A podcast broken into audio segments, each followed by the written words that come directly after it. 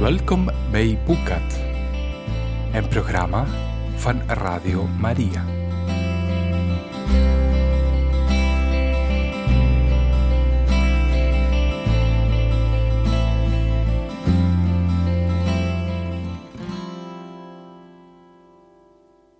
Welkom, beste luisteraars. We lezen verder uit het boek Het Paard en de Jongen, geschreven door C.S. Lewis.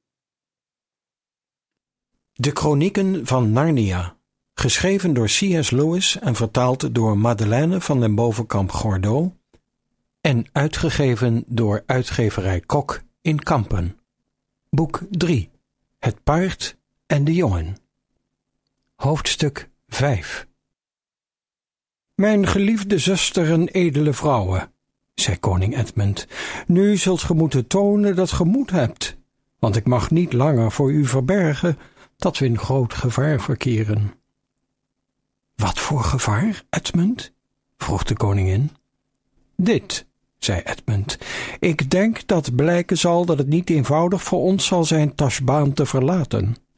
Zolang de prins nog hoop had dat u hem tot echtgenoot zou kiezen, waren we hier geëerde gasten. Maar bij de manen van de leeuw, zodra u hem voor eens en voor altijd weigert, denk ik dat we hier niet veel beter af zijn dan gevangenen.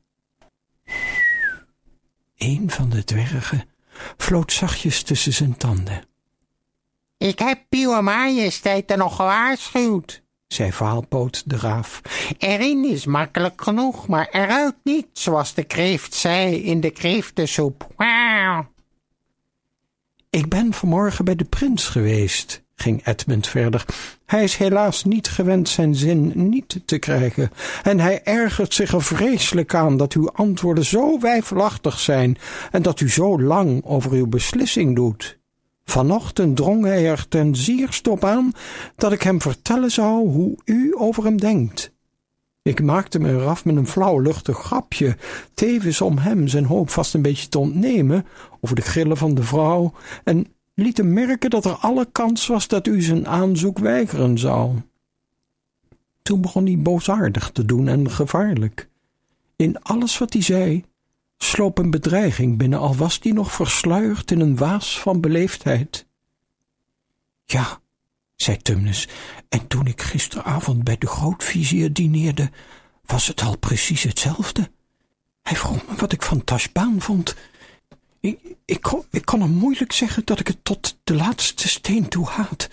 En ik wilde niet liegen, dus zei ik hem dat mijn hart, nu het weer volop begint te zomeren, verlangde naar de koele wouden en de bedauwde heuvels van Narnia. Zijn glimlach voorspelde weinig goeds en hij zei: Er is niets wat u ervan zal weerhouden daar weer te dansen, kleine bokkenpoot, mits u natuurlijk in ruil daarvoor hier een bruid achterlaat voor onze prins. Bedoelt u dat hij me zou dwingen zijn vrouw te worden? riep Suzanne uit. Dat vrees ik wel, Suzanne, zei Edmund, vrouw of zelfs slaaf, wat nog erger is. Maar hoe zou hij dat kunnen? Denkt het is rok soms dat onze broer, de hoge koning, zoiets schandelijks dulden zou? Sire, zei Perden tegen de koning, zo dwaas zullen ze toch niet zijn? Denken ze soms dat wij in Narnia geen zwaarden en lansen hebben?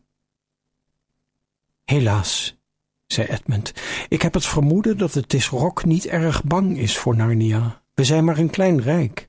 En kleine rijkjes aan de grenzen van grote keizerrijken zijn de heersers over die grote keizerrijken altijd een, een doorn in het oog geweest. Die wil hij het liefst van de kaart vegen, opslokken. Misschien zocht hij de eerste keer, toen hij de prins toestond naar Kerperavel te komen als uw minnaar, al wel een aanleiding om ons de oorlog te kunnen verklaren. Het meest waarschijnlijk lijkt me dat hij Narnia en Argenland allebei samen in één hap wil opslokken. Laat hij dat maar eens proberen, zei de tweede dwerg. Op zee zijn we net zo sterk als hij, en als hij ons over land aanvalt, moet hij eerst de woestijn door. Zeker, vriend, zei Edmund, maar zou die woestijn ons afdoende tegen hem beschermen? Wat denkt Vaalpoot ervan? Ik ken die woestijn heel goed, zei de graaf, want in mijn jonge jaren ben ik er van alle kanten overheen gevlogen. En reken maar dat Shasta op dat moment zijn oren spitste. En dit weet ik zeker. Ah, als de Tisrock via de grote oase gaat, kan hij nooit een groot leger door de woestijn naar Argenland brengen. Want al kunnen ze aan het einde van hun eerste dagmars bij de oase zijn, er zijn daar niet genoeg bronnen om de dorst van zoveel soldaten en hun rijdieren te lessen. Maar er is nog een weg. Ah. Nu luisterde Shasta nog beter. Wie die weg wil vinden, zei de graaf, moet beginnen bij de graftombe van de oude koningen en naar het noordwesten rijden. Zo houd je de dubbele top van de berg Pier aldoor recht voor je uit. Op die manier sta je na één dagrit of iets meer bovenaan de plek waar in de diepte een steenachtig dal begint. Ah. Het is maar zo smal dat je op een paar honderd meter afstand absoluut niet kunt zien dat het er is. En als je van bovenaf in dat dal kijkt, zie je geen gas of water of iets waar je iets aan hebt. Maar als je doorrijdt het dal in, kom je bij een rivier en je kunt helemaal tot in Argenland langs het water blijven rijden. Ah, ah. En weten de Calormenen dat die westelijke route bestaat? vroeg de koningin. Vrienden toch, vrienden, zei Edmund, wat heeft al dit heen en weer gepraat voor zin? De vraag is niet of Narnia of Calormen zou winnen als onze landen in oorlog zouden raken. Wat we willen weten is hoe we de eer van de koningin kunnen redden. En tevens levend uit deze duivelse stad weg kunnen komen. Want al zou mijn broeder Peter, de hoge koning, de Tisrok ook tientallen keren verslaan, tegen die tijd zouden ze ons hier allang de keel doorgesneden hebben. En zou de edele koningin de vrouw of nog waarschijnlijker de slavin zijn van die prins. Hebben onze wapens ook nog, o koning, zei de eerste dwerg. En dit huis zouden we aardig kunnen verdedigen. Wat dat aangaat, zei de koning, ik twijfel er niet aan dat ieder van ons zijn leven duur zou verkopen bij het bewaken van de poort en dat ze niet bij de koningin zouden kunnen komen dan over onze lijken. Maar uiteindelijk zouden we niet meer kans hebben te winnen dan ratten in een val. Ja, het is maar al te waar, kraste de raaf. Dat soort heldhaftige gevechten op leven en dood in een huis is goed voor een spannend verhaal. Maar in werkelijkheid lopen ze nooit goed af. Als ze een keer of wat teruggedreven zijn, steken de vijanden het huis altijd in brand. Het is allemaal mijn schuld, zei Suzanne, en ze barstte in tranen uit. Oh, was ik maar nooit uit Kerperevel weggegaan. Onze laatste gelukkige dag was voordat die ambassadeurs uit Calormen bij ons kwamen. De mollen waren een boomgaard voor ons aan het planten. Oh. En ze verborg haar gezicht in haar handen en snikte. Moed houden, Suus, moed houden, zei Edmund. Vergeet niet maar wat is er met u aan de hand, heer Tumnus? Want de faun hield zijn beide horens in zijn handen geklemd, alsof hij er zijn hoofd mee op zijn romp probeerde te houden, en wrong zich in allerlei bochten, alsof hij van binnen ergens pijn had. Niet tegen me praten, niet tegen me praten, zei Tumnus. Ik denk na, ik denk zo hard na, dat ik bijna geen adem meer krijg. Wacht even, wacht, wacht, wacht even, wacht nou even, Even hield iedereen verbaasd zijn mond en toen keek de faun op, haalde diep adem, veegde zijn voorhoofd af en zei: Het enige probleem is hoe we bij ons schip komen. En liefst nog met wat etensvoorraad, zonder dat ze ons zien en ons aanhouden. Ja, zei een dwerg droog, zoals het enige probleem dat een bedelaar heeft met paardrijden is dat hij geen paard heeft. wacht even, wacht even, zei meneer Tumnus ongeduldig. Alles wat we nodig hebben is een excuus om vandaag naar ons schip te gaan en spullen aan boord te brengen. Ja, zei Edmund zonder veel vertrouwen. Nou dan, zei de faun, wat zou u ervan denken als uw majesteit de, de prinses uitnodigde voor een groots feestmaal voor morgenavond aan boord van ons e-, eigen galjoen, de kristallijne pracht. En de uitnodiging moet zo vriendelijk mogelijk opgesteld worden door de koningin.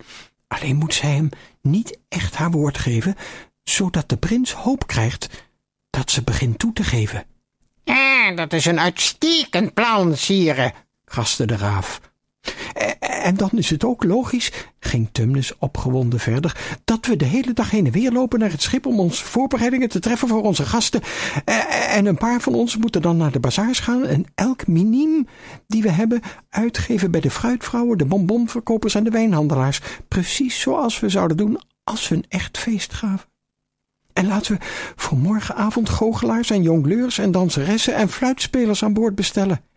Ik begrijp het, ik begrijp het, zei koning Edmund, handen wrijvend. En dan, zei Tums, zorgen we dat wij vanavond laat allemaal aan boord zijn. En zodra het helemaal donker is, omhoog met de zeilen en de roeiriemen uit, zei de koning. En dan de zee op, riep Tummes, en hij sprong op en begon te dansen. En de steven naar het noorden, zei de eerste dwerg.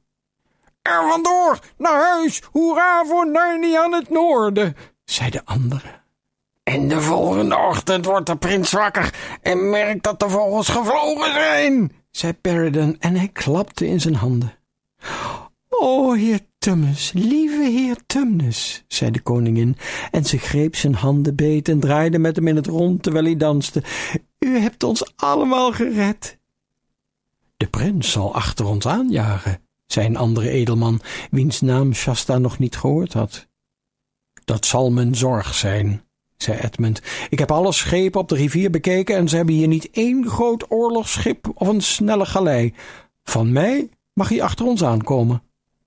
Want de kristallijne pracht kan alles tot zinken brengen wat hij heeft om achter haar aan te sturen, als hij al kans zou zien om ons in te halen. Ja, zei de graaf, al zouden we nog zeven dagen blijven beraadslagen, beter plan dan dat van de faun zult u niet te horen krijgen.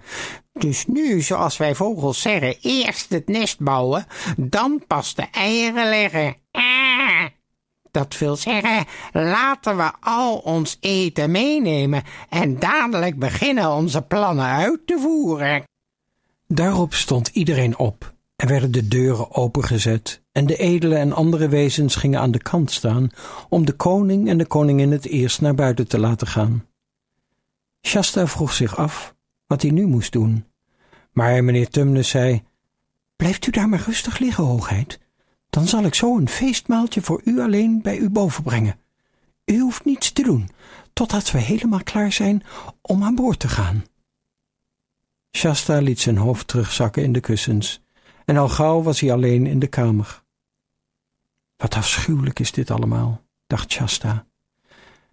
Het kwam geen moment in zijn hoofd op om alles eerlijk aan die Narniers te vertellen en hen om hulp te vragen. Omdat hij opgevoed was door een hardvochtige, gierige man als Archis, was hij gewend nooit iets aan een groot mens te vertellen als het niet beslist nodig was. Hij was ervan overtuigd dat grote mensen altijd alles wat je wilde bedierven of tegenwerkten. En zelfs al zou die Narniaanse koning voor de beide paarden wel goed zijn, omdat zij sprekende Narniaanse dieren waren, Aravis zou hij vast wel haten, dacht Shasta, omdat ze een Calormeense was. En hij zou haar vast of als slaaf verkopen of terugsturen naar haar vader. Wat hem zelf betrof, nu kan ik ze helemaal niet meer vertellen. Dat ik prins Corin niet ben, dacht Shasta. Ik heb alles gehoord wat ze van plan zijn. Als ze wisten dat ik eigenlijk niet bij hen hoor, lieten ze me nooit levend uit dit huis weggaan. Dan zouden ze bang zijn dat ik hen aan de Tisrok zou verraden, en dan zouden ze me vast doden. En als de echte Corin komt opdagen, komt alles natuurlijk uit. En dan doden ze me ook want zoals je wel ziet, had hij geen enkel idee hoe oprechte, vrijgeboren mensen zich gedragen. Wat moet ik nou doen? Wat moet ik nou doen? zei hij al maar weer bij zichzelf. Wat? Hé, hey, daar komt dat geitachtige mannetje weer. De faun tripte het vertrek binnen, half dansend, met in zijn handen een dienblad dat bijna even groot was als hij zelf. Dat zette hij op een ingelegd tafeltje naast Shasta's sofa neer en zelf ging hij op het vloerkleed zitten met zijn geitenbenen gekruist. Zo, prinsenkind, zei hij, eet daar maar eens flink van. Dit wordt uw laatste maaltijd in Tashbaan. Het was heerlijk Carlomeens eten. Ik weet niet of jij het lekker had gevonden of niet, maar Shasta in ieder geval wel. Er was kreeft bij en een salade en snip gevuld met amandelen en truffels en een ingewikkeld gerecht van kippenlevers en rijst en rozijnen en noten. En er waren koele meloenen. En kruisbessen bavarois. En moerbeien bavarois. En alle lekkere dingen die je maar met ijs kunt maken. En er was ook een klein karafje bij, met het soort wijn dat witte wijn genoemd wordt, hoewel die eigenlijk geel is. Terwijl Shasta zat te eten, zat de vriendelijke kleine faun, die dacht dat hij nog steeds een beetje versuft was van de zonnesteek, aan één stuk door tegen hem te praten over de fijne dingen die hij zou kunnen doen als ze allemaal weer thuis zouden zijn. Over zijn goede oude vader, koning Loene van Argenland, en het kasteeltje waar hij woonde op de zuidhellingen van de bergpas. En vergeet niet, zei meneer Tumnus, dat hij u voor uw volgende verjaardag uw eerste echte harnas en uw eerste strijdros beloofd heeft. En dan mag uw hoogheid beginnen met de lessen in het steekspel te paard. En als alles goed gaat, heeft koning Peter uw koninklijke vader beloofd dat hij u op Kerparavel zelf tot ridder zal slaan.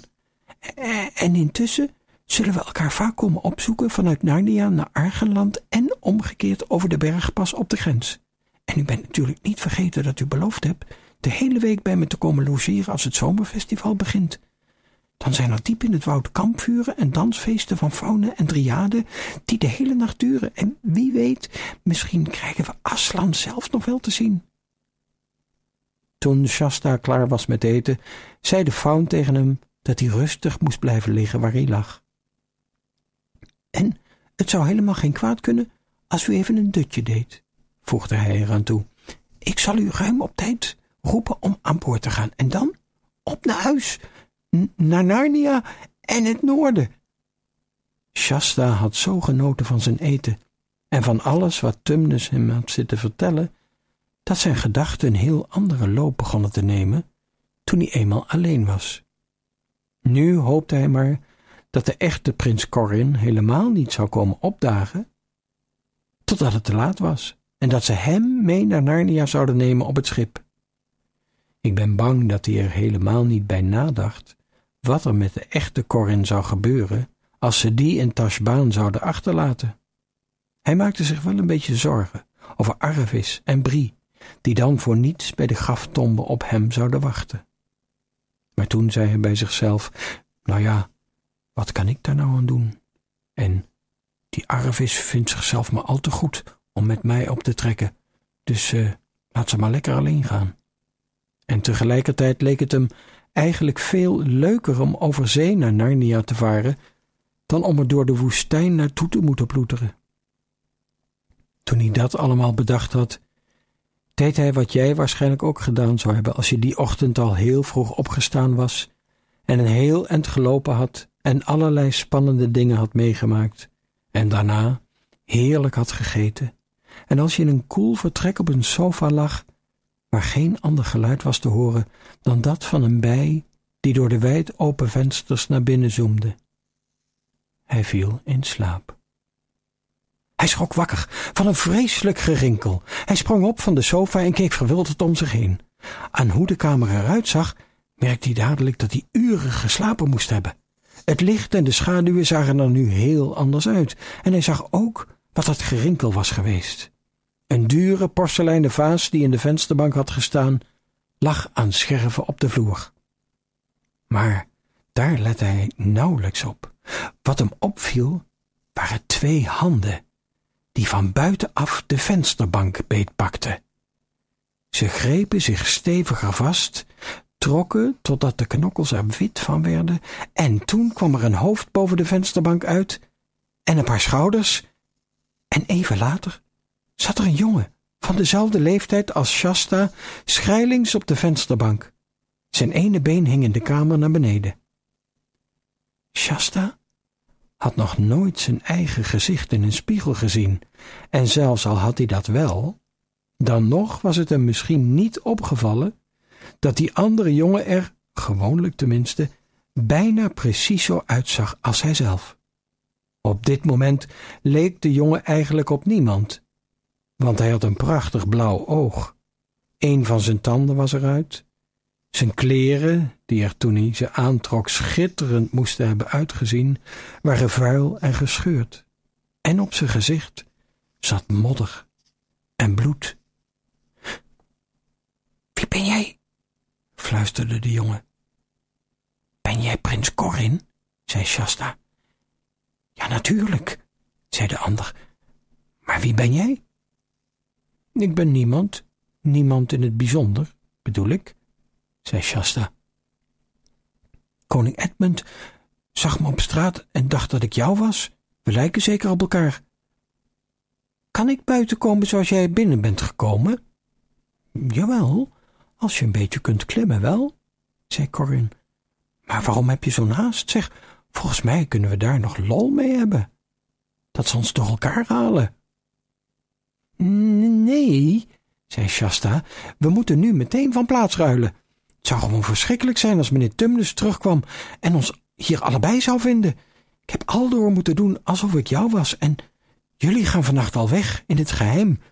En waar heb je trouwens al die tijd gezeten? Een jongen op straat maakte een misselijk grapje over koningin Susan, zei prins Corin, dus heb ik hem een pak op zijn falie gegeven. Hij rende brullend een huis binnen en toen kwam zijn grote broer naar buiten. Toen heb ik zijn grote broer een pak op zijn falie gegeven en toen kwamen ze met z'n allen achter me aan, totdat ze drie oude mannen met speren tegen het lijf liepen, die ze de wacht noemen. Ja, ja, toen moest ik met de wacht vechten en die gaven me ook een pak op mijn falie. En toen begon het al donker te worden. De wacht wilde me meenemen om me ergens op te sluiten. En daarom vroeg ik of ze misschien zin hadden in een kan wijn. En ze zeiden dat hun dat best lekker leek. Dus heb ik ze meegenomen naar een wijnhuis, wat wijn voor ze gekocht en gingen ze met z'n allen zitten drinken tot ze erbij in slaap vielen. Het leek mij tijd om te verdwijnen, dus ik sloop stilletjes naar buiten en daar vond ik die eerste jongen die met de hele ellende begonnen was. Die hing daar nog steeds rond dus heb ik hem weer een pak op zijn falie gegeven en daarna ben ik langs een regenpijp op het dak van een huis geklommen en daar ben ik stil blijven liggen totdat het vanmorgen licht begon te worden. Van toen af ben ik bezig geweest de weg hierheen terug te vinden. Zeg, heb je iets te drinken? Nee, dat heb ik opgedronken, zei Shasta. Maar laat me nu eens zien hoe je binnengekomen bent. We hebben geen moment te verliezen. Je kunt maar beter op die sofa gaan liggen en net doen alsof. Oh nee, daar dacht ik even niet aan. Met al die blauwe plekken en dat blauwe oog hebben ze het meteen door. Je zult ze gewoon de waarheid moeten vertellen, zodra ik veilig en wel weg ben. Wat dacht je anders dat ik zou vertellen? vroeg de prins diep verontwaardigd. En wie ben je eigenlijk? We hebben, we hebben geen tijd meer, fluisterde Shasta zenuwachtig. Ik geloof dat ik een narnier ben, in ieder geval iets noordelijks. Maar ik heb mijn hele leven lang in Calarmen gewoond. En ik ben op de vlucht. Ik ga de woestijn doortrekken. Met een sprekend paard dat Brie heet. Maar nu, vlug, hoe, hoe, kom ik buiten? Kijk, zei Corin, laat je maar uit dit raam op het dak van de veranda zakken. Maar wel zachtjes, op je tenen.